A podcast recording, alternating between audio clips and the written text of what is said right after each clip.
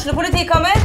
Ine Jansen er purk. Er du purk? The motherfucking bitch. Alt jeg vil, er å finne ut hva som skjedde med mannen min. Jon Carew. Er jeg sikta for noe? Iben Akeli. Det er du. Ole So, Lars Berrum og Big Daddy Karsten. Hvem sin side er du på, egentlig? Anette Hoff, Tone Danielsen, Kommer du fra Afrika? Jørnis Josef, Nesten. Kløfta. Trond Espen Seim, Det er synd å si det, men det var feil mann som døde. Purk. Premiere tirsdag på TV2 Play.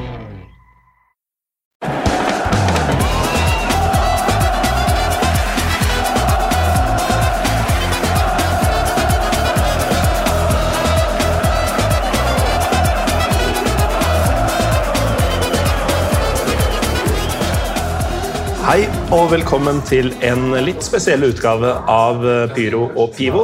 For i stedet for å sitte hjemme i stua mi eller sitte i et profesjonelt lydstudio på Kontraskjæret i Oslo, så sitter jeg på Chateau Mukhrani vinbar i eh, en by hvis navn er nesten umulig å uttale. Tor Christian Karlsen, hvor er vi igjen? Vi er, i, vi er Tbilisi i Georgia. Det er vi. Syns ikke det var så vanskelig å uttale, men det var kanskje feil uttalelse. Det er, det er det. Altså, for min del så det skrives jo Tbilisi, Ja. men jeg sier det nesten alltid Tbilisi, og det er jo definitivt feil. Okay. For da bytter jo i en eh, plass. Eh, så forrige gang jeg var her Vi har begge vært her før, eh, naturligvis. Så hørte jeg noen lokale uttale det ordentlig, og det var noe sånn Tbilisi eller noe sånt. Noe. Men, Ja. men det, det har liksom aldri festa seg. Det blir å Tbilisi i hver gang. Folk er jo veldig gjestfrie og, Det er sant. og åpne her. Og som lytterne hører, så er vi jo ikke aleine nå. Vi er jo ute i offentligheten med litt bakgrunnsmusikk og noen bartendere som, eller kelnere som jobber litt og prater litt seg imellom og sånn. Men eh, det er jo nok av folk å spørre, da, om ikke annet. Ja da. Vi skulle jo kanskje egentlig hatt sånn derre um, eh, Enda mer autentisk georgisk opplevelse med sånn musikk fra Monastery, hva er det, hva er det på norsk igjen? Ja, sånn Kloster- eh, klosterkor. Ja, sånn gammel, nesten hva, hva heter det? Den type musikk? Uh, altså Nei, Hva det heter, vet jeg ikke. Det er, det er jo kor, eh, men uh, av type munke... Altså klostervarianten. Gregorianske Ja, munker og sånn. Kanskje vi får til det en gang òg? Kan vi. Lurer oss ut på et lite kloster. Det er vel der vi har best av å være, kanskje. Ja, Der har de fort enda bedre vin enn de har her på, på baren. Men uh, alternativt så hadde det jo vært å ha en sånn jævla kakofoni av noen folk som krangler i trafikken eller noe sånt på en uteservering. Så, men vi gikk for det her, da. Uh, og da har vi jo selvfølgelig bestilt oss en magnumflaske rosé. When in Rome. Um, As you do. jeg skal bare um, legge til her um, for undrende lyttere at det var, um, det var servitøren som drev med upsale her. Og Vi skulle ha én Vi skulle ha en kaffe. Og så var ja, det var planen da vi gikk ut. Ja. Og så gikk vi litt for lenge, og da var det like greit å sette seg et sted. Og da var det vel et glass vi tenkte, og så ble det Magnum. så ble det magnum. Og det eneste som mangler da, er noen sigarer og noen røde, stygge sofaer og sånn. Ja, Så er vi der vi skal være. da, ja. Men altså, vi kan jo lage litt eh, kontekst her. Vi um, har jo kjent hverandre i et par år nå, og vi um, har ofte snakka om Georgia. Eh, Du var her for en god del år tilbake. Eh, Ganske lenge tilbake. 2010. Ja. Jeg var her i 2015, som jo også er sju år siden i disse dager. Ehm, og så ble det litt sånn Du spilte litt russisk rulett med, med bonuspoengene dine i vinter, da ting var på sitt mest stengte både i Norge og Europa. ja. Um, Åssen var det vi havna her, hvis du husker det? Eh, Vi havna vel der her i utgangspunktet fordi vi har gått og prata om Tbilisi av en eller annen merkelig grunn. Eh, Som go to-tema? Ja, i, i, under egentlig hele pandemien. Så har det blitt en sånn greie, ja, men blir det en tur til Tbilisi da? Ehm, og da Så det ble liksom en meme og en gjenganger, og så så var disse Turkish Airmilesene som Turkish Air, Airmiles eh, Turkish Airlines milesene dine. Ja. Som um, skulle um, Som løp ut. Eh, og da måtte vi jo Og de løp ut ved nyttår, så da teksta jeg vel deg og sa skulle man ta den turen, da. Ja. Og satse på at denne Og det var jo midt i omikron-maset i Ja, det, ja, Vi hadde jo akkurat stengt ned sånn ordentlig for det som forhåpentligvis er siste gang. Ja. I denne pandemien i hvert fall.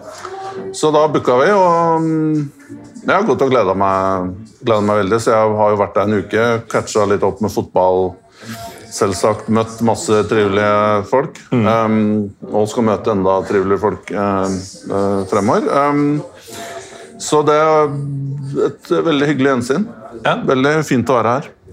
Vi har tydeligvis hatt, altså, du, Det er mulig du er mer optimist enn meg, for jeg eh, har jo hele tida tenkt at det der kan jo ikke gå. Eh, Kan ikke gå. Selv da vi i desember eh, bestilte disse til begynnelsen av mai, da, som, som det er nå, tenkte at det er ikke snakk om at det går an å reise til Georgia i mai 2022.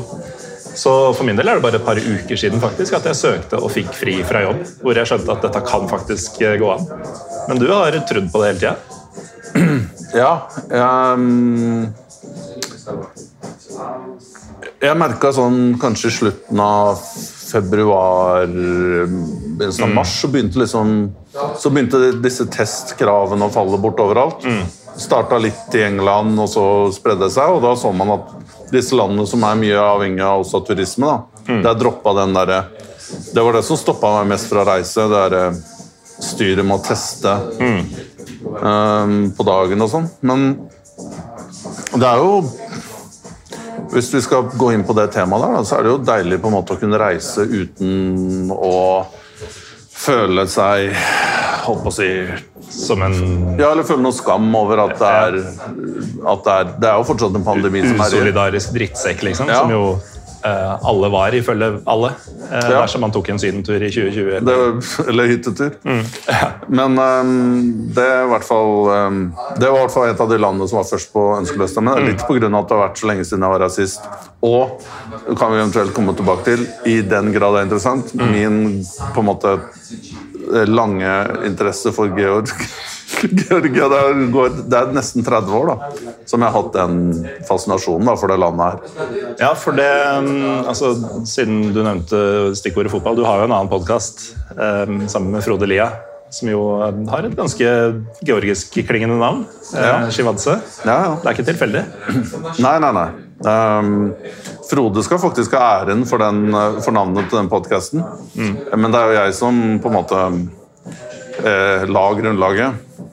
Og det Det var faktisk Det her blir veldig, veldig Dette er for, dette er for spesielt interesserte, altså. Men Første gangen jeg hørte om Chivadze, sånn på en måte hvor god han var da. For han spilte jo på en måte i Var det 82-VM og var vel også 86 i Eller på kaptein i 82. Og så var han Sovjetunionen. da. ja, og så var han vel også i troppen i fire år etterpå, da i Mexico. Da sånn typ ni av elleve startere var i Dynamo Kiev. Ja, korrekt. Det er helt riktig. Eh, og så jeg på en måte Jeg var Hvor gammel var jeg? Jeg var sånn på en måte 8-9-10-11 år, men hadde Panini og liksom Så det navnet på en måte kjente det igjen. Men jeg så jo aldri han spille på en måte med analytisk blikk. Det får grenser på hvor tidlig, tidlig du er på på'n. Du kan liksom komme og si jeg var åtte år og oppdaga det og det. Men um, um, en del år senere så var jeg i Litauen. Jeg var liksom typ bitte litt scout og veldig mye reiseleder for Watford. Dette var i 1997. Ja. Og Da fikk jeg en henvendelse fra en agent. Um, da var verden helt annet enn det den er nå, for yngre lyttere. Da var liksom ikke internett det der. Det var bare sånn HTML-sider som tok tre år å laste ned. Ja, Det var ganske uvanlig å ha internett i det hele tatt hjemme. Og da Ja. var det jo modem som du måtte velge når du skulle på internett, for du brukte tellerskritt. Og mens du var på nettet, kunne du ikke bruke telefonen. Ja, det var ikke alle som hadde mobiltelefon heller, så det var harde kår. eh. Det var harde kår. Jeg husker fatteren var Fordi jeg hadde jo på gutterommet, og jeg hadde jo ikke tilkobling på en måte eh, Jeg kunne ikke plugge inn modemet på rommet mitt, så jeg måtte jo snike ut en kabel ut til telefonen, som innebar at jeg måtte plugge ut. Så fatteren var jo super forbanna hver gang han så den kabelen snike seg ut. Men det ble jo på natta, da. Ble du ofte sittende her og styre med dette internettet. Og bare igjen understreke at det du gjorde på nattestid eventuelt på den tiden her, det er ikke det mange håper å si, holder på med nå. Jeg vet ikke, men, så det var liksom ja, Men vi skal ikke gå lenger inn i det. Eh, Tilbake til eh, Watford og Lit- Litauen. Ja. Um, og da mm, På den tiden der så var jo Alanya, uh, Vladikavkaz, de var regjerende mestere i Russland. De er fra rett nord eh, for her, de. Andre sida av fjellene. Ja, korrekt. Og de vant jo da med mange georgiske spillere, blant annet, på det laget. Eh, flere av dem endte i Manchester City. Shelia spilte jo. Uh, Khadadze, som er Dynamo Tbilisi-trener nå. Kavelasjvili Kavelashvili var på en måte superspilleren, best notert for å tror han skåret et mål mot, uh, på Trafford da, mot Manchester United. Eh, utenom det så er vel ingen som husker han. Nei. Mikhail Kavelashvili. Ja, men de, de, Manchester City gikk jo på et skikkelig sånn uh, georgisk smell, fordi de fikk jo King Kladse som var kjempegod, ikke sant? så trodde alle georgere var like gode. Så det kom jo mange på rekke og rad så det gjorde at jeg ble veldig fascinert av det landet. Um, og, at, og jeg har også vært interessert i Sovjetunionen, sånn som du er, da, i lang, lang tid. Og plutselig så var det 15 nye fotballand som bare proppa opp, og de Georgia og Moldova og sånn, de slo jo både de, de hadde ganske imponerende resultater i begynnelsen. Um, men i den um, turneringa som vi ble invitert til, um, så var det fire lag. Det var, et, det var Watford, det var Lania Vladikavkaz, det var host-laget i Litauen og et lag fra Slovakia.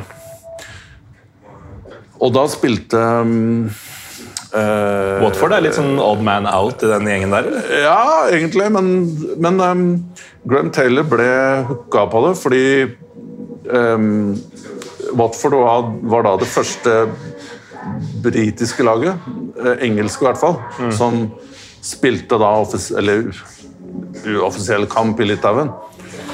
Um, så han, han lot seg um, han lot seg overtale, vi dro dit. Og så begynte vi å bare prate litt sånn løst og fast. Og så, så på kveldsstellen sånn over noen, noen glass, så, så begynte han å prate om sovjetiske spillere. Fordi vi prata litt om Alania og hva vi kunne forvente og sånne ting. Så sa han ja, jeg husker, jeg husker Chivadze. Altså den beste, beste forsvarsspilleren noensinne hadde sett. sett. Da han spilte for, um, for uh, Sovjetunionen. Han sa helt vanvittig fotballspiller. Eh, og Graham Taylor var jo ganske Han Kunne litt om fotball. Ja, og, og, og da tenkte jeg sånn What? Eh, Ja, jeg huska han så vidt, da. Og da begynte jeg på en måte å gjøre litt research og ble veldig Og jeg møtte jo han i 2010, og ja, på en engelsk Twitter-konto har jeg bilde med, med, med Chivadze, så ble liksom Det er historien bak det, da. Og Frode eh, bare ut av det blå trakk det navnet fram da, da vi skulle lage en podkast. Uten at han hadde vært en snakkis mellom dere to? Eh, Jo, grad, fordi han ble også veldig nysgjerrig etter den saken jeg skrev for Jossimar da, etter 2010-reisen. Hvor jeg da brukte Chivadze mye i den saken. Da. Ja. For han var da lurer på om han var president i Fotballforbundet på den tiden der. Men ok, du var da sist her i 2010. Uh, regner med at det ble litt fotball eh, den gang. Ja. Åssen var den georgiske fotballen for eh, tolv år siden? Jeg føler vel at det har gått nedover. Um, den var allerede på vei ned da, skal sies. Um, hvorfor er jeg litt sånn usikker på. Jeg tror det handler litt om at kanskje den disiplinen og skolen som de hadde i sovjetsystemet, den var ekstremt sterk. Eh, og det var veldig godt organisert, og Dynamo Tbilisi, kanskje også et par andre lag, spilte i sovjetsystemet. Dynamo Tbilisi var vel mer eller mindre alltid i toppdivisjonen. For da hadde du jo lag fra hele Ja, altså- Sovjetunionen. Dynamo Tbilisi er vel em, et av veldig få lag som ikke er fra Kiev eller eh, Moskva, som i det hele tatt kunne konkurrere i, eh, Ja. i Sovjetunionen. Jeg tror til og med de har en par, par ligatitler. Ja, det stemmer. Og de vant vel også cup i cupen i slutten av 70-tallet. Slo Liverpool eh, og i semien. En memorable kamp. Jeg tror de lagene utenfra Russland og Ukraina, det var vel Dynamo Minsk fra Hviterussland, de var alltid med. Decent lag. Og Skonto Riga eh, var litt opp, oppe, oppe der òg noen ganger. Til og med disse lagene fra Usbekistan og, eller Tasjkent var, var der litt. Og sånn. Men det ja. tilhørte sjeldenhetene. Ja, men de var litt oppå så, så litt miks var det, og det var vel også litt da på en måte at det skulle Man skulle ha med alle litt, da. Ja. Men uh, 2010, altså nedturen hadde begynt Ja. eh, godt. Ja. Og man ser jo fra Hvis du bare ser på rene spillere som har kommet eh, Altså Vi har jo allerede vært gjennom en del navn fra 90-tallet. Og så hadde man Trekk fram en annen spiller som Jeg tror han debuterte mot Norge på Ullevål, som imponerte meg vanvittig. Han var 17 år da. Det var Kobiashvili. Levan Kobiashvili spilte i Schalke og Freiburg, tror Ja, jeg, stemmer det. i mange år. det. Han var jo lagkamerat med Aleksander Iyashvili i Freiburg. Ja, så du hadde Iyashvili og Kob Iyashvili på samme lag. Ja, det er en meget god, god observasjon. De hadde vel også tre-fire georgere, faktisk, Ja, de på, det, var, på det eh, laget. Tyskland City de, på den tida. Ja.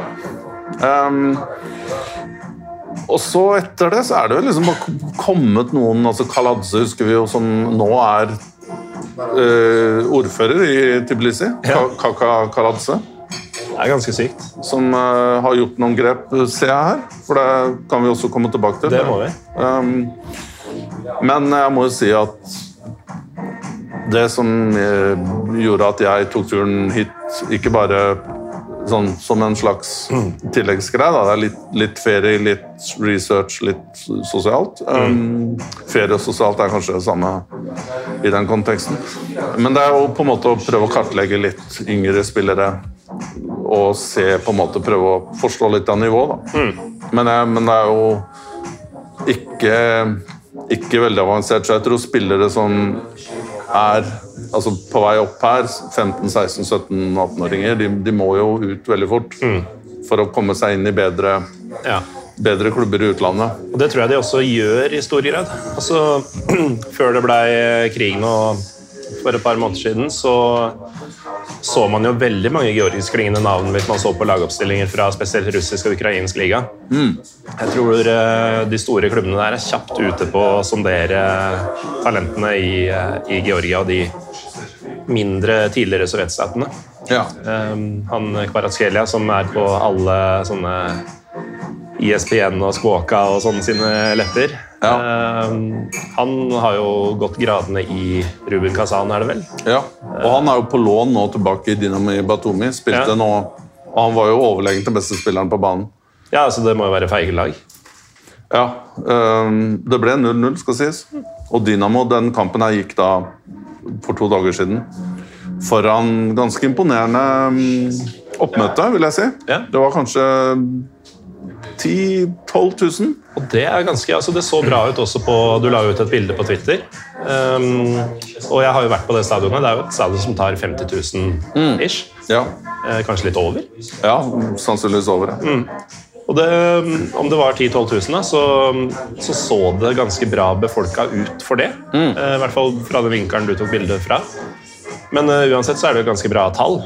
For uh, da jeg var her i 2015, så var jeg også på en toppkamp. Da var det også på samme stadionet. Eh, Husker du lagene? ja, eh, det var Dinamo, Dynamo eh, Tbilisi som spilte hjemme mot Dila Gori. Ja. Og hva er det som er spesielt med byen Gori? Ja, det er Stalin Ja. sin hjemby. Det er det. Og det er, altså Han var ordentlig ordentlig kjip mot mange, men spesielt mot georgere. Selv om han var georger sjøl. Ja. Men de er ordentlig stolte av han i Gori, har jeg hørt. Det er museer og byster og suvenirer og sånn overalt. Ifølge folk som har vært der.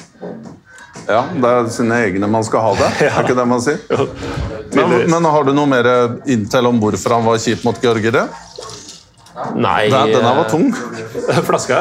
Ja, det er veldig mange år siden jeg har sittet og holdt på en Magnum. Ja, sånn, også... så folk ikke tror dette er dagligdags. Nei, altså, altså, det er tungt i dag. Det er jo, jeg fløy jo hit gjennom store deler av gårsdagen og natta. Kan du ikke ta lytterne gjennom den turen der litt? Jeg kan jo det. Eh, og så hadde du en litt eh, sein kveld av andre årsaker. Men eh, at flaska er litt tung å løfte i dag, det, det er ganske naturlig, da. Eh, men jo, jeg eh, Nå er det jo torsdag ettermiddag her i eh, Georgia, og jeg eh, For under et døgn siden så var jeg på jobb. Jeg jobba full onsdag. Jeg dro fra arbeidsplassen min 15.45, da den eh, såkalt bundne arbeidstida utløpte. Rett til Gardermoen. Var der 16.29. Jeg er ganske fornøyd med å komme dit fra Marienlyst på tre kvarter. Ehm, og så satte jeg meg på flyet til Istanbul, som tar ca. 3 12 timer. Var der i sånn halv elleve, kvart på elleve-tiden på kvelden lokal tid, og hadde da to og en halv time å slå i hjel på flyplassen der før jeg skulle ta 1.20-flyet til eh, Tbilisi fra, fra det som skulle bli i hvert fall verdens største flyplass, snakka de om. Jeg vet ikke om noe som står klar om den faktisk ble det til slutt, men eh, det var planen til, eh, til han slemmingen som styrer sjappa der nede. Pleier å bli det han ønsker, Ja. eller? Han er stor i hvert fall. Ja. Um, og da viste det seg to ting. da. Det ene var at jeg hadde sjekka inn online og brukt appen til Turkish Airlines for første gang.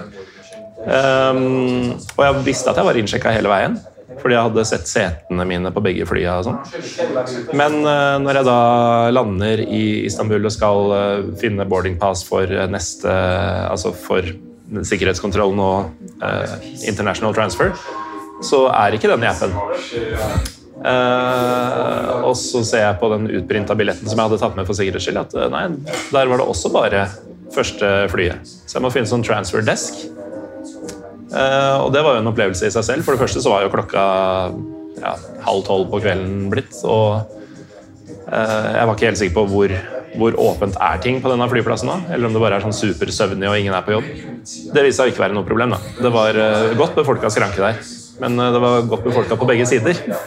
Så da jeg skulle få hjelp, da jeg går bort med passet mitt og boardingkortet som jeg hadde hatt hit, som er jo på samme bestilling, så burde det være veldig enkelt å finne fram til min neste flyvning, så er det en sånn hysterisk dame på pluss 40 år som tydeligvis hadde store vanskeligheter. Hun skulle til Ismir, som Turkish sikkert har en ti flyvninger til i, om dagen, tipper jeg. Eh, og det er en time, og om ikke Turkish flyr deg dit, så er det tre andre lavprisselskap i landet som kan gjøre det. Så du, du er ikke i noen særlige problemer, da. Men eh, hun sto der og hylgrein, og sånn, og så ble jeg bare bedt om å gå til skranka ved siden av for å få hjelp av en annen. Og da prøver jeg å fortelle at ja, jeg trenger boardingkort for neste del av turen. Jeg finner det ikke i appen. Og så begynner han å surre. Litt sånn språkforvirring, tror jeg. Men han begynner å snakke om at det fins ikke noe 120-fly. Og jeg var jo veldig tydelig på at det gjør det. Eh, Og så ble det litt sånn, Jeg snakker jo litt tyrkisk, så jeg fant ut at det- det kunne være en god idé å bytte. Fordi hans engelsk tydeligvis ikke var helt eh, på topp. Men da fikk jo han vann på mølla. Eh, Eller vin i mølla, eller åssen dette er. Vann på mølla, Og babla tilbake. ikke sant? Så jeg hadde ikke nubbesjanse til å følge med. Så da var det jeg som måtte tilbake til engelsk igjen. Og da kommer hysteriske dama inn fra sida igjen. For da hadde hun ikke fått den hjelpa hun skulle fra, fra den hun var hos. Og så ble han satt helt ut av spill. Og så til syvende og sist ordner det seg. da. Og jeg kommer meg videre, og da har jeg i hvert fall slått i hjel noen av, eller noe av disse to og en halv timene. Og så finner jeg meg Følte du på noe tidspunkt at det var eh, Jeopardy, dette her? Nei da, jeg skjønte jo at det her er jo de, det de transferdeskene er til for. Ja. Og jeg visste jo at jeg var i systemet. Jeg har fått utallige meldinger, eller mailer fra Turkish siden Du er veldig hissig på e-mail. eh, Ja, ja. ordentlig hissig på e-mailer. Det er verre hvis du svarer. Da er det ikke så hissig på. Men ok. ja. Nei da. Jeg prøvde jo flere ganger å finne ut av litt logistiske greier før turen også, men uten hell. Men i hvert fall, jeg finner eh, roa, kommer meg gjennom denne sikkerhetskontrollen er nå i avgangshallen og har boardingkort og alt er greit, og finner ut at det går an å få seg en pils her. Eh, og det gjør det. Så jeg setter meg ned med en EFS, fordi when in Rome Ja. Eh, Du kommer jo også hit fra Istanbul, faktisk. Ja. Men eh, det får bli en annen historie. ja, ikke så veldig mye spennende å rapportere derfra, egentlig. Men, ja. Men så skjer det noe rart. Fordi når jeg drikker opp den pilsen, og det er én pils, og jeg er, ikke sånn, jeg er ganske skjerpa, trodde jeg. du, er, du er nære på døgning her, da. Ja da, det begynner å, begynner å bli seint på kveld for meg også. Um, Men det som skjer er at eh, jeg hadde jo ikke sjekka inn kofferten min, så jeg reiste med ryggsekk som jeg alltid gjør. Men jeg hadde også en trillekoffert sånn cabin size. Og den glemte jeg igjen på puben på flyplassen. Og jeg går gjennom nesten hele denne terminalen. Altså jeg går i sånn 10-12 minutter minst. Eh, bruker et minutt på å kjøpe meg en vannflaske fordi det skal jeg ha med, ha med meg om bord. Og det er ikke før jeg i motsatt ende fra der jeg kom fra, da, etter jeg sier et kvarter i sum, at jeg innser at oi, der er det en rulletrapp med der, de søylene som står opp for at du ikke skal ta med traller og sånn. Så bare Ja, jeg skal jo egentlig trille på noe. Men det gjør jeg jo ikke. Så jeg får jo helt panikk, fordi det er ikke mye du kan gjøre på en flyplass uh, ifølge lokale myndigheter som er verre enn å se, la bagasje stå uten tilsyn. Helt riktig. Så jeg får helt noia og tenker at uh, for det første er jo den borte nå. Enten har noen tatt den, eller så er den destruert. Uh, eventuelt så driver de og følger med på den, og hvis jeg tar tak i den, så kommer det noen føderale agenter og skal snakke med meg. eller noe sånt. Som jeg jo ikke har tid til. Fordi jeg hadde jo gått fra da ha god tid til å plutselig ha dårlig tid, for det er jo med min mitt tempo i løping, så er det jo, hvis det var et kvarter til, så er det jo ti minutter tilbake. Ja. Um, og så kommer jeg sånn halsbrekkende, svett og andpusten og sånn, og ser at den kofferten står faktisk der fortsatt. Da. Og idet jeg går vekk med den, så skjønner jeg at det er ingen som kommer for å ta meg heller. Um, men da blir det litt sånn halsing andre veien igjen for å faktisk rekke boardinga, som Turkish av en eller annen grunn skal ha 45 minutter før. Men alt ordner seg til slutt, og um, ankommer uh, flyplassen her halv fem på morgenen, lokal tid. Og det viser seg at det gjorde tydeligvis tre-fire andre fly også. Så var det en passkontroll fra helvete som tok en time. Men så blir det taxi, og du sa jo du har vært her i noen dager allerede. Det betyr at du var jo innsjekka i Airbnb-en vår, Ja. så jeg kunne jo egentlig bare komme dit til både pils i kjøleskapet og pizza, Og pizza. på benken. Og, og ikke noe sånn styr med sånn finne ut av hvordan innlåsingssystem funker og sånn. Så nå er vi her. Du fant ut av porten òg? Til slutt. det, jeg skulle jo til nummer 27, og gikk jo da til porten som det sto 27 på. Men det var porten ved siden av den som det sto 27 på, som Ja. gjaldt. skjønte jeg. Men um, det er litt deilig å på en måte Jeg har savna altså jeg, jeg har brukt en del år av mitt liv på akkurat de, den type logistikk som du som du beskrev der. Da jeg, jobbet, da, da jeg var i Zenit-perioden, her, så var det sånn 200 ish reisedager i året. Og jeg, jeg Kanskje jeg er spesiell, da, men jeg syns det er litt moro der. Ikke det å glemme igjen bagen og risikere at den blir Nei, nei, men Det å konfiskert. støte på noen skjær i sjøen og så løse dem underveis, og sånn, Ja, det er egentlig fint. jeg syns det. Jeg har savna det. Men eh, jo, eh, tilbake til eh, Dinamo mot Dila i 2015. Ja. Så var jo det på samme stadion, Boris Bajadze, nasjonalarenaen. Hvor da du opplevde en 10 000-12 000 tilskuere. Jeg opplevde maks 1000, antagelig færre. Og da teller jeg med en si 300 sikkerhetsvakter og politi. Det var så trist, den ramma rundt der. Og ikke var noen kiosker åpne eller noe sånt. Eh, Det nærmeste vi kom, var at det satt noen folk og solgte sånne her Hva heter de der søylene? Sånn Nå spør du vanskelig, Sånn krumkakeforma pappjegere med nøtter Ja. eh, på utsida. Sånn gamle babusjkaer liksom, som satt med den type ting. Det var beholdningen, ja. Det var beholdninga. Det kunne du ta med inn. Um, Nå kan jeg opplyse om at nå har du fått både øl og det som verre. da skjønner jeg også at det har tidobla seg, det tilskuertallet. Fordi eh, Og jeg betalte fordi jeg ville ha en sånn litt fan experience. Litt, altså, her kan vi jo gå litt inn på georgiere som folkeslag òg. Ja, la oss se. De er jo ekstremt hospitable. Veldig mm, øh, Nå, nå, nå på grunn av det, Vi skal også komme tilbake til litt Tbilisi, hvordan det var da du var rasist og jeg var rasist, og hvordan det er nå. Men de er jo veldig stolte av landet sitt, kulturen sin, som er veldig distinkt og sterk. Eh, Men når du da drar med georgere på kamp, så er det liksom fort at du havner i um, Ja, altså Jeg kjenner jo folk som er på en måte En av kontaktene mine, gata En av gatene rundt staden er oppkalt etter faren hans. Ja. Eh, Da kommer si du ikke ned på gulvet. Nei, så du, du ender fort i, i, i en gruppe på ganske fine plasser. Eh, og da har du folk rundt deg og bless dem, og, jeg, og det har også sitt eh, sted og plass. da. og kan settes pris på men jeg vil ha en litt annen opplevelse og fokusere litt på kampen og, og ha litt fan experience. Da. Så jeg kjøpte min egen billett. Den kosta altså jeg, jeg, jeg trodde det var feil. Det var fem lari. Eh, Og da kunne du sitte liksom, finne en plass. Det er også 15 kroner. Ja. Det kosta den billetten. Bare sånn eh, til orientering. 15 kroner, ja. Jeg betalte to lari. Eh, denne gangen så var larien verdt eh, to kroner. Nå er den verdt tre. Ja. Så jeg betalte da åtte kroner eh, for Dinamo mot Dila den gang. Det var da nummer to mot nummer tre på tabellen, og vinneren ville ta serieledelsen. ja. Og ja, dette var også på våren, da, så det, ting begynner å spisse seg til.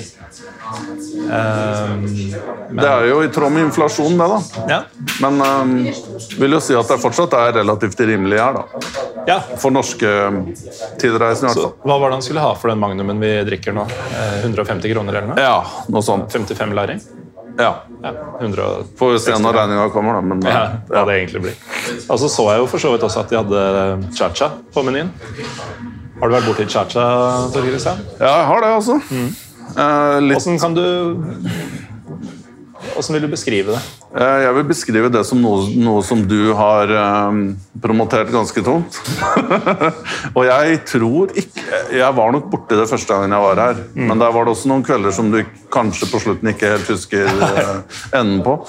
Eh, og det er også Georgis greie at én, de skal Hospitality handler om at gjesten skal kose seg maks. Og det innebærer da ikke bare disse store fatene med mat, som vi skal komme tilbake til, men det innebærer også at glassene aldri er tomme. Ja. Og cha-cha vil jeg si er eh, en slags Jeg vil sammenligne med grappa. ja. Mer enn vodka. Altså det er en urte... Druebasert er det vel, ja. Det er, Ja, dru, druebasert eh, altså, sprit. Likheten med grappa er jo at det er holdt på å si, etterlatenskapene av druer uh, fra vinproduksjon. Um, hovedsakelig. Og så lager de litt andre ting også. Men det er hovedchachaen. da. Uh, Jeg blir fortsatt altså, Det hender jeg bestiller en bare sånn etter måltidet for å, for å digest. da. det er jo gøy.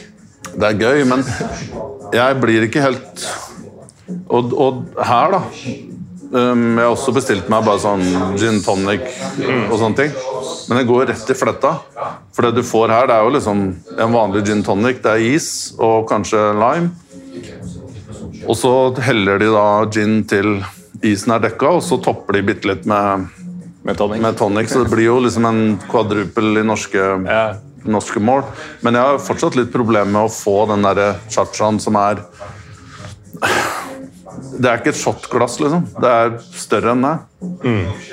Og det skal down in one, sies det. Da Da blir jeg fortalt det er mulig at det er mulig at servitører og sånn har mora av meg og sier den, den skal ned med en gang, men det vet du mer om, kanskje? Nei, altså Du nipper kanskje til den? Jeg- For jeg shotter jo ikke grappa. Ja, nei, jeg nipper til det fordi jeg behandler det som jeg ville gjort med grappa eller rakia og palinka. da, Som, som er de jugoslaviske eller balkanske ekvivalentene. Du shotter eller ikke? Nei, jeg shotter ikke. Ok. Eh, Jeg nipper. Eh, Og det ville jeg gjort med cha-cha også. Men når det er sagt, så var det aldri jeg, jeg var aldri særlig i kontakt med de lokale der jeg var her. Jeg bodde på et hostell og var ute med iranere og brasilianere. Og hadde iranere og israelere faktisk på fylla sammen. Ja, Eh, Det var gøy. Det er fin miks. Da var du satt du i midten, da. Ja, det var en brasilianer som gjorde det. eh, en syklende brasilianer. Um, nei, men da, var det, Michelet-roman. da var det jo mye sånn her Var det flyvende brasilianer, kanskje? Men nok om det. Da var det rett og slett sånn at det var noen som følte de hadde bedre peil på kulturen her og sånn enn andre. Um, så jeg har ikke hørt det fra georgere selv, men da var det nipping som gjaldt på cha-cha også. Eh, og så gir jo det mening for meg som igjen da, eh, ser mange likhetstrekk mellom dette og grappa og andre ting man drikker som en grappa. Ja. Når det er sagt, så har jeg slutta å shotte tequila også. Oh, ja. Det er også blitt en nippedrikke for meg. Alder, eller er det sofistikasjon her? Det er vel lenge siden man ble sofistikert av å bli gammel. Men øh, Nei, jeg øh, altså, Da snakker vi ikke om den der Sierra Nevada eller hva den heter, den med sombrero-korken og sånn. Eh, Du er lenger oppe i hyllene. Ja, litt lenger opp. Eh, og så er det ikke så veldig ofte jeg drikker tequila, men en, en god tequila er jo god, faktisk, vil jeg si. Ja, akkurat det er det, er det strides de lærde så veldig om, men eh, ja. Um, en Shotting i det hele tatt. Veldig Ja, lite, attraktivt for meg. ja. Og de tinga som man absolutt skal shotte, sånn Jegermeister og sånn, det syns jeg smaker dritt. ja, det er det jo ikke det, det er på en måte døden, da. Det er bare folk som tar på slutten av kvelden for å ikke vet bedre. Nei. Eh, men i hvert fall eh, Det blir mer pivo enn noe annet her i den eh, episoden her. Ja. Men det er veldig oppløftende at det i løpet av sju år eh, har, har det blitt veldig mye mer attraktivt tilsynelatende å gå på fotballkamp for eh, georgere. Eh, Det må vi ta med oss, og vi har jo tenkt å se i hvert fall én kamp i løpet av eh, oppholdet. Ja. Hva, hva er Altså, Vi har vel ikke en konkret land, vi har sett oss ut én kamp som vi har tenkt oss på. Ja. Men vi leker litt med forskjellige varianter av åssen vi skal komme oss dit, og hvem vi skal med. og sånn. Beste scenario er vel å joine supporterne til Dynamit Tbilisi. Dette er en bortekamp eh, mot et lag jeg ikke husker navnet på. husker du? Nei, det husker jeg ikke. Men uh, mens du forteller litt om uh, ideen, så skal jeg prøve å finne ut av det. Um, option to er vel å bare hoppe i en taxi og dra til stadion og um, se kamp. Eh, nå, og nå løper jeg ut av options. jeg vet ikke om det er noen andre options. Ja, det er dette, dette er vel et god time utenfor Tbilisi, tror jeg. Ja, det var en uh, sju mil eller noe sånt. Ja. Uh, mot uh, Sioni Bolnisi, Riktig. som helt sikkert uttales sånn. Um, den går på søndag, så det er jo verdt å følge ja, Nå er det jo for så vidt ikke sånn Rome like home eh, her, så det er ikke sikkert det blir så veldig mye live-oppdatering, men eh, jeg skal prøve å få lagt noe storygreier på Instagrammen til Pyro Pivo eh, på søndag. Så får vi se hva det blir til. I hvert fall så får vi fortelle historien på Twitter eller noe sånt senere. Eller så får folk gå på YouTube og se Lowlights. Ja, det går jo også. Jeg vil jo bare legge til da, i rettferdighet, rettferdighetens navn Det som var litt interessant med den kampen og nå med Dynamo, er at de hadde et veldig veldig ungt lag. Bortsett fra et par utlendinger, et par afrikanere og en ganske lat nier på topp, så var det bare 18-19-20-åringer. Så det virker som at Dynamo har på en måte en plan om at de skal jobbe på en litt annen måte. og og, og satse ungt, og at det skal vokse organisk. da. Var det de som hadde en afrikaner uh, som kan være relativt kjent for uh, enkelte norske fotballfans? Ja. Uh, Sto veldig veldig høyt i banen hele tida. Det var Osame um, Kamara. X fikk noen innhopp for Vålerenga. Eller starta en kamp i fjor. Eller to. Um, men det som slo meg veldig med den kampen, her var jo på en måte manglende relasjoner i lagene. Og at de Det er veldig mye individualisme. Um, og det er litt rart, for de har jo gode fotballspillere. Altså det er veldig sjelden du tar spillere fra Georgia på, på touchen. De er, ble jo kalt brasilianerne i Sovjetunionen. Ja. brasilianere. Eh, og, men det vil liksom ikke spille gjennom ledd og prøve liksom å bygge opp litt sånn moderne og få litt balltempo. og, Bruke eh, kameratene. Nei, det var mer bare slå på den første opplagte pasningen, og gjerne langt. Og når man da kom kanskje 30 meter eh, mot eh, motstanderens mål, selv når motstanderen var i ubalanse, så var det å skyte fra 28 meter, og den ballen landa jo i ute en elva som jeg har glemt navnet på. Det er u...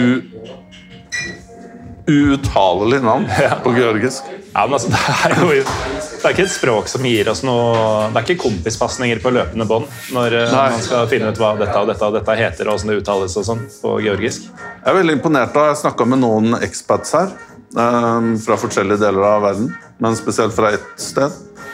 Ikke så veldig langt unna.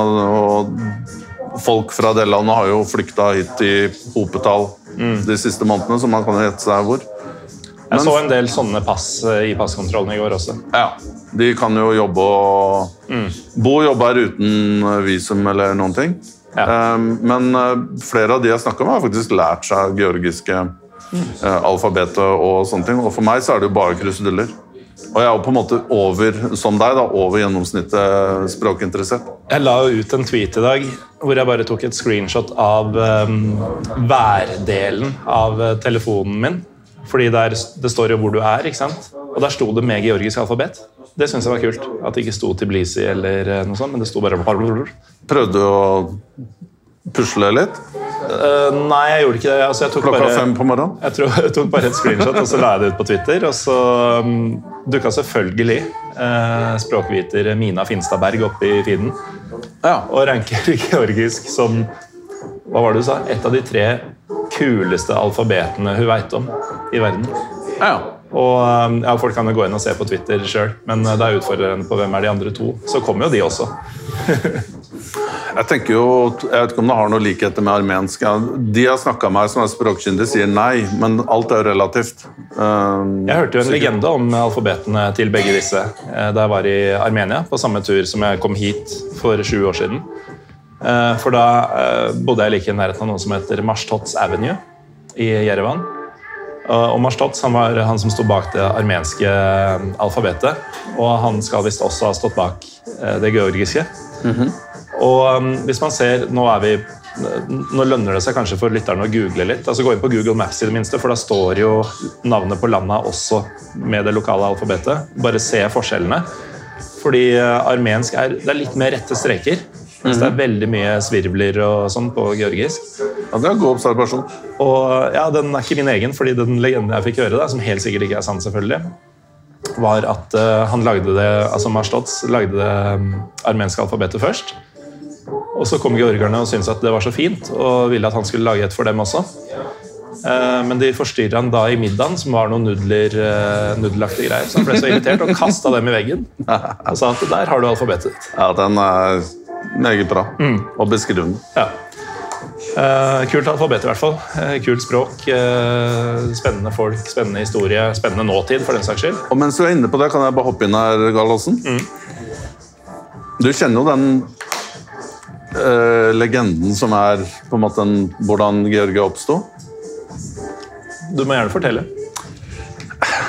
Jeg, jeg prøvde å gjenprodusere den her på engelsk for noen. eh, Og ikke at engelsken min eh, på en måte svikta meg, men det ble en litt annen versjon. Men jeg har fått korrigert, så jeg tror jeg klarer å gjengi det mer Og så må du hoppe inn her hvis du For den er veldig kjent.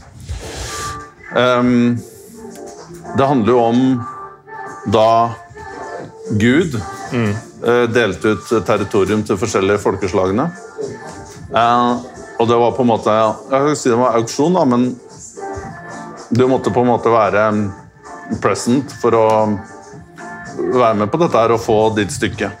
Men det var et folkeslag som mangla, og det var georgiere. Og da sier Gud øh, sier etterpå Ja, hvor ble det av dere? Eh, nei, eh, ja, vi glemte bort. Vi var så opptatt av å feire deg at eh, vi mista det. Ikke mista det sånn at du på en måte I den betydning, men vi, we- we. Ja, vi, vi gikk glipp av det møtet. Eh, Å, ok, greit.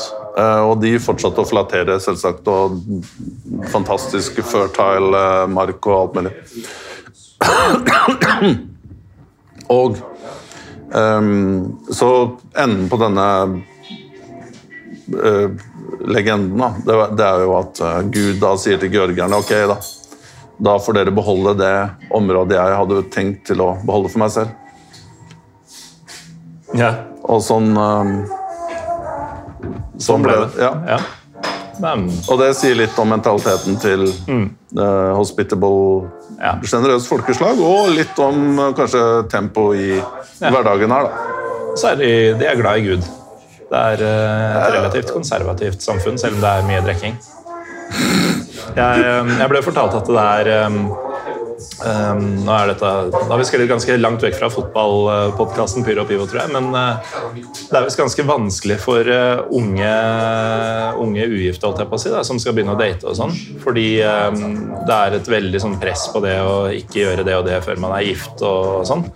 Så det er veldig mye som må foregå i skjul, og det er, litt, det er mye, mye, mye skravling blant eh, nabodamene og tanter og sånn. Ja. Um, at um, den delen er veldig konservativ, i hvert fall. Eh, Var den det for sju år siden? Men eh, du, du har vært inne på et par bisetninger her nå, Torgis, sånn at ting har forandra seg for det blotte øyet, i hvert fall, på, Ja.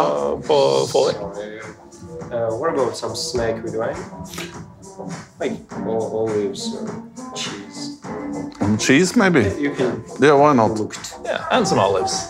olives. And maybe, Cheese and some olives. cheese plate and olives. Yes, yeah, let's okay. do it. maybe one glass of cha-cha. Ja. Ok, For de som hører på nå, så dukka det da opp en fyr uanmeldt som ikke var han som serverte oss tidligere. Jeg tror ikke han visste at vi eh, Jeg tror, tror han bare trodde vi satt og prata. Ja. At vi ikke tok opp. Så vi beklager det. Men nå ble det altså til at vi bestilte litt ost og oliven og en cha-cha til meg. Inspirert av det samtalen. kommer nok to, men um, det, det er greit nok. Men jeg, um, jeg tror de De type eh, mekanismene som du var inne på her, jeg tror de fortsatt står ved lag. Um, og jeg har snakka med noen her mer expats som har bodd her lenge, som sier at det er veldig på en måte Du har den hospitaliteten hvor du på en måte blir Du kommer veldig nært på, men det er veldig vanskelig å bli på en måte innvidd i en favn Ja. på en måte, som en, som en utlending. Jeg tror det blir noen runder med faren til eh, prospektive bruden Ja. før du får uh, Før det blir noe ring på noen fingre. Da tror jeg ikke du skal spytte i glasset. Hvis faren til bruden i Georgia skal godkjenne deg på sikt, så Nei, da, da skal, det- du, skal du kunne tømme noen glass uten å, uten å preges noe særlig. Men eh, jo, eh, igjen, altså Tolv år siden du var her, syv år siden jeg var her. Eh, Vi kommer aldri dit. Store forandringer. Ja, jeg vil jo si at um, det er natt og dag. Altså, selv i 2010 så var det ganske basic uh, Basice forhold her. Altså mm, Samfunnet var mindre organisert, det ser du. Ehm, nå, nå har ikke jeg vært så veldig mye utenfor uh, Tbilisi. Verken da eller jeg var en liten tur Det skal vi faktisk ikke komme inn på. Men um, jeg var en liten tur på en sånn type gård, er helt utrolig, utenfor Tbilisi, halvannen time. Back then. Hvor, jo, vi kommer, vi kommer innpå der. Nå har vi sagt A, så får vi si B. Og da var det jo Det var liksom en sånn helt sånn supertradisjonell georgisk kveld. Hvor jeg ble tatt på litt feil premisser. Fordi Såkalt supra. er det det det kalles? Ja, det der eh, med alle talene og Ja, sånn. ja, det ble jo det etter hvert. Men ideen var at vi egentlig ja, vi skulle ha dinner. Ok, bra. Men vi ender da på tunet på en gård hvor hvor Ok, det er to ting her. da. Det første er hva har du lyst til, har du lyst til å drikke? Altså, egentlig en øl eller et glass vin for meg. i utgangspunktet. Ja, ok, greit. Um, men det bare eskalerer. Det er flaske på flaske på flaske med vodka. Det er seks stykker av oss, men allikevel så er åtte-ni flasker halvflaske med vodka er mye for, for en så liten gruppe. Um, men der var det sånn type at du, hvis du ville ha lam eller hvis du ville ha beef, så var det omtrent Det var rett og slett de taua dyra over tunet og inn i slaktebua, og så kom kjøttet på fatet. Altså. Og jeg som dyrevenn var litt sånn Eh, Det er ikke akkurat det hyggeligste synet for min del, men Hils på maten din. ja, hvis du øh, klapper litt først og sånt, det er ikke min, min stil, eh, Morten. Men um, when in Rome, sa du tidligere. Ja. Men um, tilbake til Tbilisi. Det er veldig um, veldig moderne, Ja. vil jeg si. Ja, og det, det er jo kanskje det rareste ved det, fordi mm, det er jo veldig mye gammelt fortsatt. Eh, Du har fort og kirker og gamlebyen og eh, heldigvis holdt jeg på å si, fortsatt mange slitne bygninger og sånn. Men de kontrastene som er i ferd med å oppstå, Ja.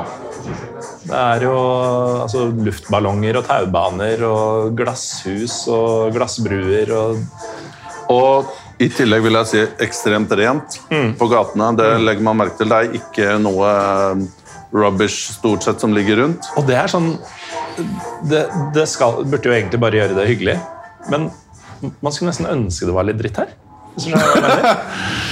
Ja, det er jo ikke den autentiske opplevelsen kanskje som vi hadde da. Eh, og så, man kanskje, så må vi begynne å lete etter nye steder, kanskje, Morten, etter hvert. Ja. Men, men ja, mulig. Jeg vet ikke hvor hyggelig det er der. Eh, men um, Bishkek. de, de har nok vært Altså De har jo også vært gjennom noen regjeringer og litt sånn forskjellig, men det har nok vært en push hele tiden for å gjøre seg attraktiv for turisme. da. Det, det er det ikke noe tvil om. Uh, men um, Og antall restauranter og! Prosit. Sorry. Det, her er eh, fordi det blomstrer, ikke pga. nødvendigvis det som er i glasset. Men eh, kanskje litt av det. Det er jo den perfekte podkast, dette her. Sånn suggerende musikk i bakgrunnen og nysing og hosting og Ja, ja, Nå, nå er vi i vårt ess. Vi er i Men dette er for hardcore. Ja, ja. Hører man på Og de som ikke er hardcore, de har vi tapt allerede nå. ja, De er borte. De, de hører på De tror jeg røyker introen. I det øyeblikket de hører at det er litt sånn De hører at jeg er gjest, eller- og Ja, vi er på tur. ja, kombinasjonen der. Eh, Men hva tenker du? Er du Booker du booker, Backer du mine argumenter? jeg, jeg, det. jeg tipper at du opplever mm, Eller det er jo naturlig å tenke at du opplever mer ekstreme forandringer enn det jeg gjorde, siden det er kortere tid siden jeg var her. Um, men jeg også ser jo det at det har skjedd mye siden forrige gang.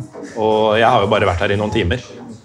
Men um, det vil nok bare bli tydeligere og tydeligere. Og vi prata litt om det på vei til det som egentlig skulle være en kaffe, og så skulle det bli et glass vin, og så nå er det i ferd med å bli dagfylle.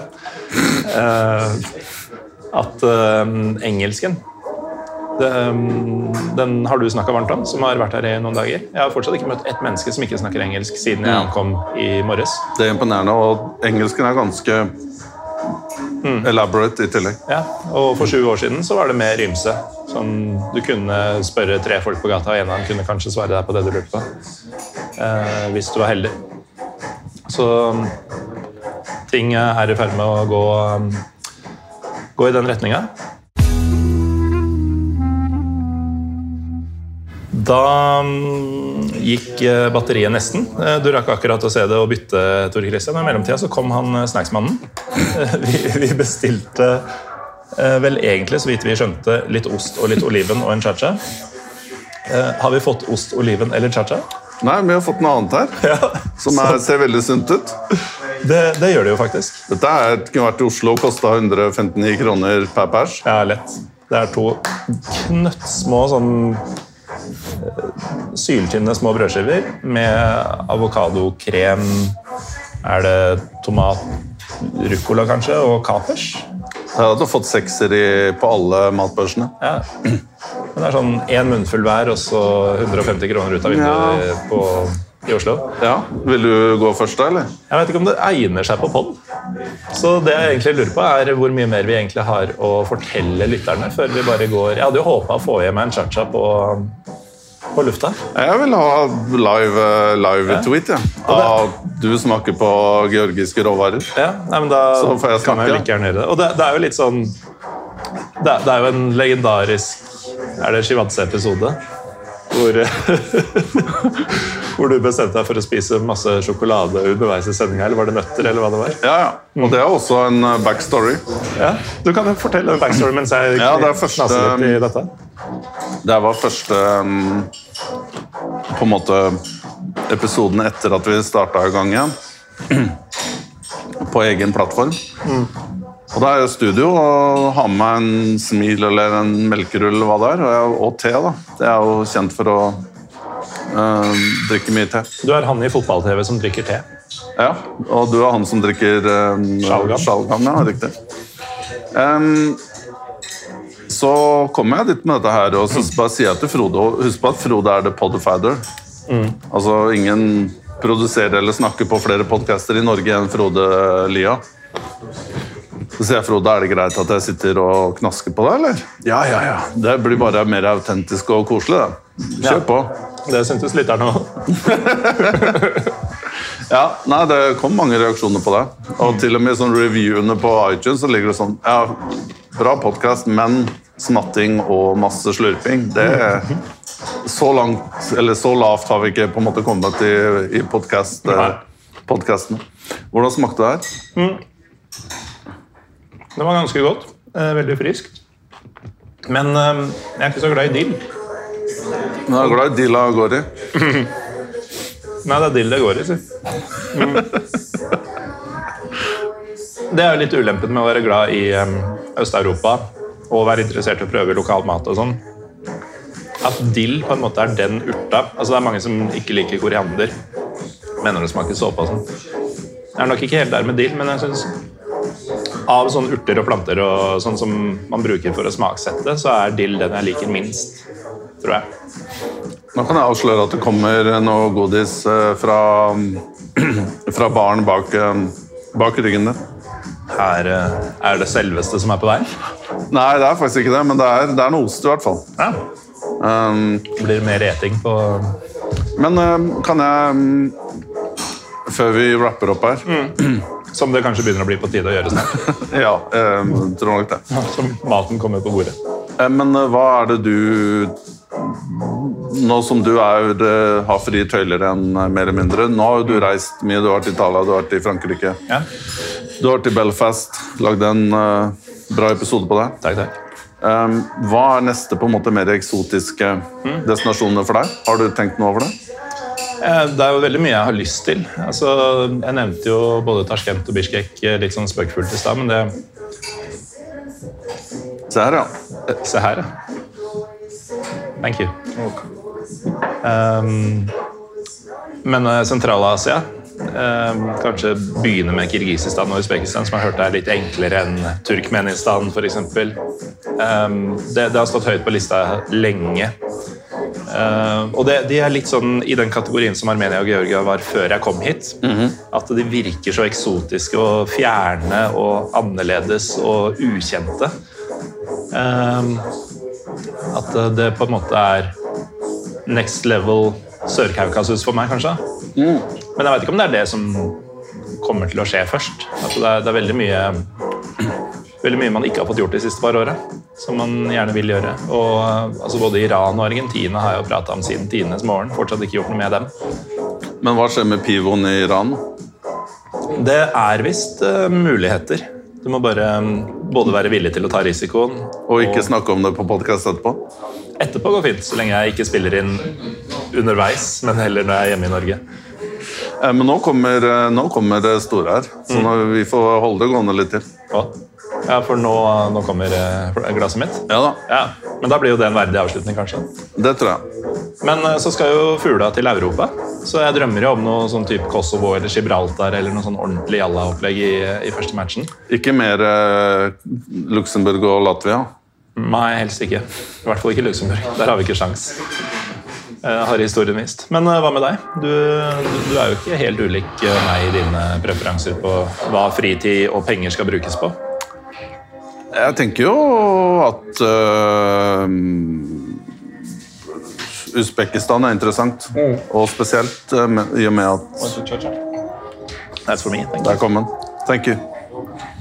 Um, jeg tenker jo at jeg, jeg er jo litt sånn at jeg ønsker å se noe jeg, jeg har ikke lyst til å dra til på en måte um, Altså Jeg har ikke lyst til å bare se kamp for å se kamp. Da har jeg lyst til å se noe som på en måte oppdager et eller annet, eller noen Ja. spennende spillere. eller noe sånt. Og Usbekistan har jo faktisk en god tradisjon. Ja, faktisk. Og du har jo noen gode usbekiske spillere i Russland blant annet, og litt rundt omkring.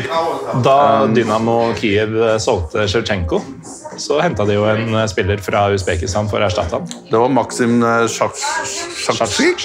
var det ikke det? Jo. Ja. Stemmer det? Men russer, russer-usbeker, da, skal Jo, sies. jo, men likevel. Men eh, ja. Nå har du fått noe på bordet her som det. er blankt og ser ikke veldig godt ut i mine øyne, men, men Så utrolig blankt den var òg. Altså, det er, og, det er til grapp, du har til og med fått grapp av glass. Du kan jo ta en liten sniff. Ja da. Det Er det paint stripper, eller er det Det er jo er ikke langt unna paint thinner. Du kan jo ta et eh, lite sniff du også, før jeg eh, avslutter episoden med, med å smake på disse greiene. Til lytterne bare informere om at klokka er kvart på fem på ettermiddagen. Ja. Denne, På tre er, for er, dere hjemme.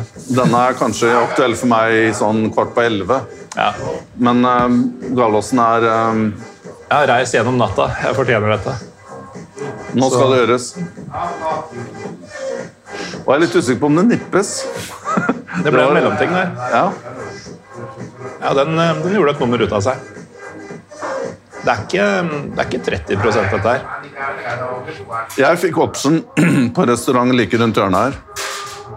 Hvor jeg skulle ha én uh, cha-cha. Jeg må bare Nå skjedde det som jeg liker best med rakia og palinka. Varmen i Varmen i brystet Ja, riktig. Ja. At, eh, det er litt sånn, Du kjenner smakene i kjeften uten at det er der det er sterkt. Og så kjenner du det bare altså, Jeg har lyst til å ha med meg en sånn Hvis jeg noen gang går på en skitur og bare bli litt kald og sånn, og så bare kjenne om det funker da også. Spørs hvor mye du tar med deg. Altså blir sånn dobbeltsyn nedover bakken, og det kan umulig være sunt. Nei, det er ikke lurt, men uh, alt for vitenskapen. Hva var du i ferd med å si? Nei, jeg, Du fikk noe tilbud? jeg fikk tilbud på um, skulle bare ta ett ord om Georgisk mat, og så runder vi av med, okay. med den middagen. Det var den berømte kachapurien som jeg snakka veldig mye om, som du sikkert skal ha i deg i kveld. Godt mulig. Og det er dette ostebrødet som er så notorisk. Um, og for på en måte uinnvidde så vil man jo tro at det på en måte liksom er en noe lignende garlic toast eller altså, Det er jo ikke det. Det er et helt måltid i seg selv. Det er et svært, mykt Ja, altså Det er jo delvis uthule for å få plass til mer ost. Og det er ost på ost på ost på ost. Og så har du flere eh, versjoner av det. Det mest mm, utbredte er jo mm, på en måte plain med én osteart. Men det vil også si at det er masse masse smelta ost på det. Og så kan du få med tre, to eller tre ø, forskjellige oster. Det har jeg ikke prøvd. Skal ikke prøve. Og så har du det Ajara-versjonen, som er Ajara-provinsen der Batumi er ved Svartehavet. Er det den båtvarianten? Det er båtvarianten med egg i midten, og det er rått egg. Ja. Uh, og det jeg ble fortalt, er at du skal mikse inn egget i, i, i all osten. Jeg gjorde ikke det. Jeg er litt sånn skeptisk til råegg. Um, og så bare også nevne disse her um, Hva heter det igjen? Kinkali. Ja, kan du forklare hva det er? Det er en eh, slags dumpling, eh, men en massiv en. Det er en sekk som er jeg ja, det ser ut som sånn, der, sånn gammel strisekk som er knyttet sammen. Og så har du da et håndtak i praksis i toppen av den deigen som, som er rundt fyllet. Som du da bruker som et håndtak. Um, Det er litt som Cornish pasty da, for, um, for nisseluelytterne. sånn. Hvor du holder da i Ja, du, du holder i det håndtaket, og så er det jo da Det er litt sånn halvfarlig å spise det. Fordi det er jo ikke bare, det er ikke bare liksom kjøttfyll eller grønnsaksfyll eller soppfyll. eller hva det er. Det er Eller ost der òg, faktisk. ja. Men det er jo også kraft ofte. Så du, du har jo i praksis litt sånn suppeelementer inne der.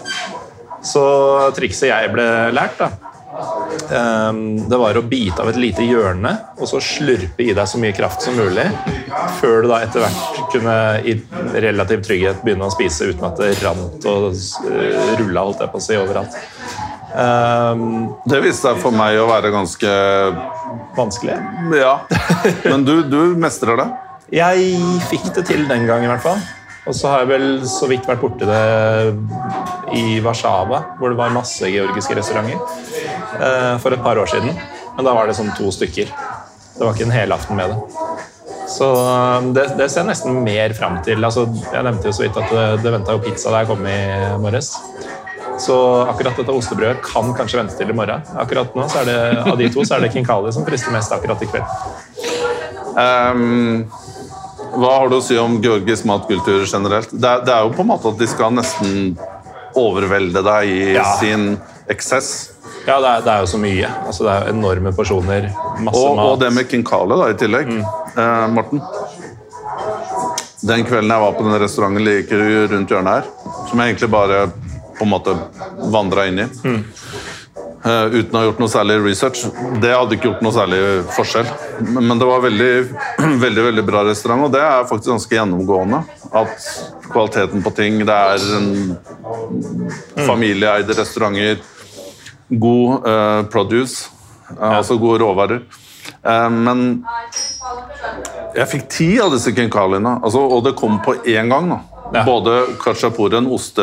den- oh, faen, så Ja. hadde kachapuri og ti samtidig. Og min idé da, det var å på en måte spise kanskje tre, en tredjedel av ostebrød som en forrett, og Mm. så og så kom kinkalien etterpå. Mm. Men jeg fikk jo da alt på en gang. Eh, og det var ti det var ti av disse store dumplingsene, og det er ikke dumplings som man har på sånne hipsterrestauranter i Oslo. Mm. Dette er, som, Morten, som du sa, Morten, det, de er store. Ja, ja de, er, de er svære, altså. Men for, for å runde av um, Da bestilte jeg en, en um, cha-cha for å digest. For å fordøye.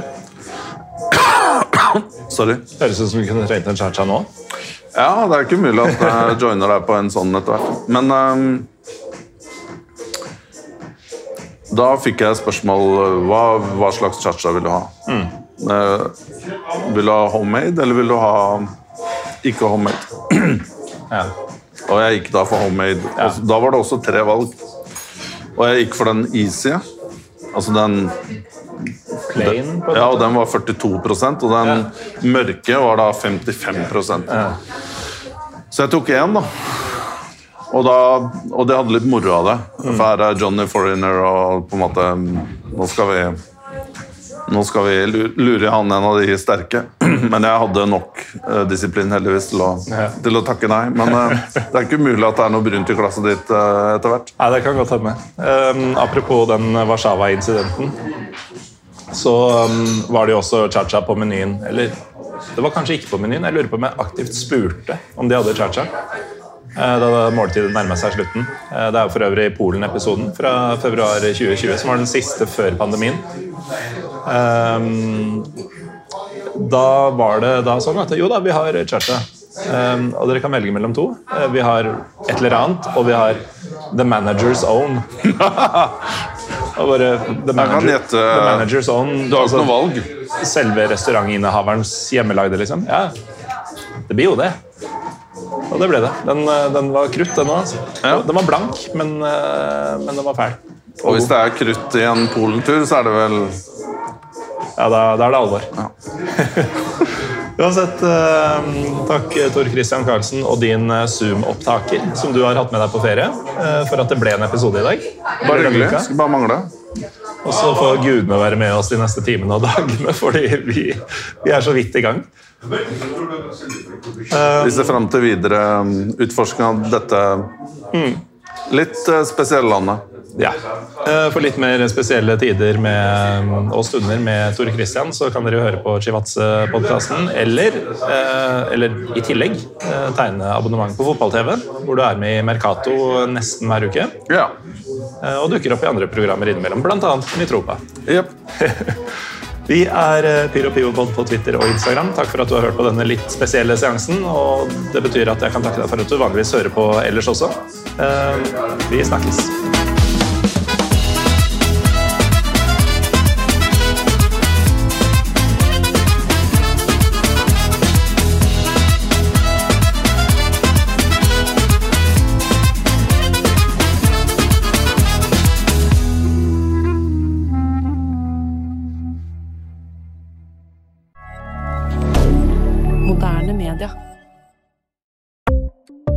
Ukens annonsør er HelloFresh. HelloFresh er verdens ledende matkasseleverandør og kan være redningen i en travel hverdag. Mange av oss har nok vandret i butikken både sultne og uten en plan for middagen, som ender med at vi går for de samme kjedelige rettene gang på gang. Middag burde være dagens høydepunkt. Som HelloFresh kan du nå velge mellom 25 ulike retter hver eneste uke, eller få HelloFresh til å sette sammen menyen for deg. Dette gir deg muligheten til å prøve nye og spennende retter alene eller sammen med familien. Du velger antall porsjoner og får alt levert på døren på et tidspunkt som passer for deg. Oppskriftene er enkle, og maten er lett å lage både for store og for små. Ved å få alt levert hjem får du også mer tid til å dele matgleden med familie og venner. Kanskje det frister med asiatiske tacos eller greskinspirert kylling? Da kan jeg anbefale deg om å gå inn på hellofresh.no. Her kan du bruke koden FOTBALL og få opptil 1779 kroner i rabatt på de første fem matkastene hvis du ikke har prøvd Hello Fresh tidligere. Du kan også bruke rabatten hvis du har vært kunde og stoppet abonnementet ditt for tolv måneder siden eller lengre. Gå inn på hellofresh.no og bruk koden FOTBALL. Har du et enkeltpersonforetak eller en liten bedrift? Da er du sikkert lei av å høre meg snakke om hvor enkelt det er med kvitteringer og bilag i fiken, så vi eh, gir oss her, vi. Fordi vi liker enkelt. Fiken superenkelt regnskap.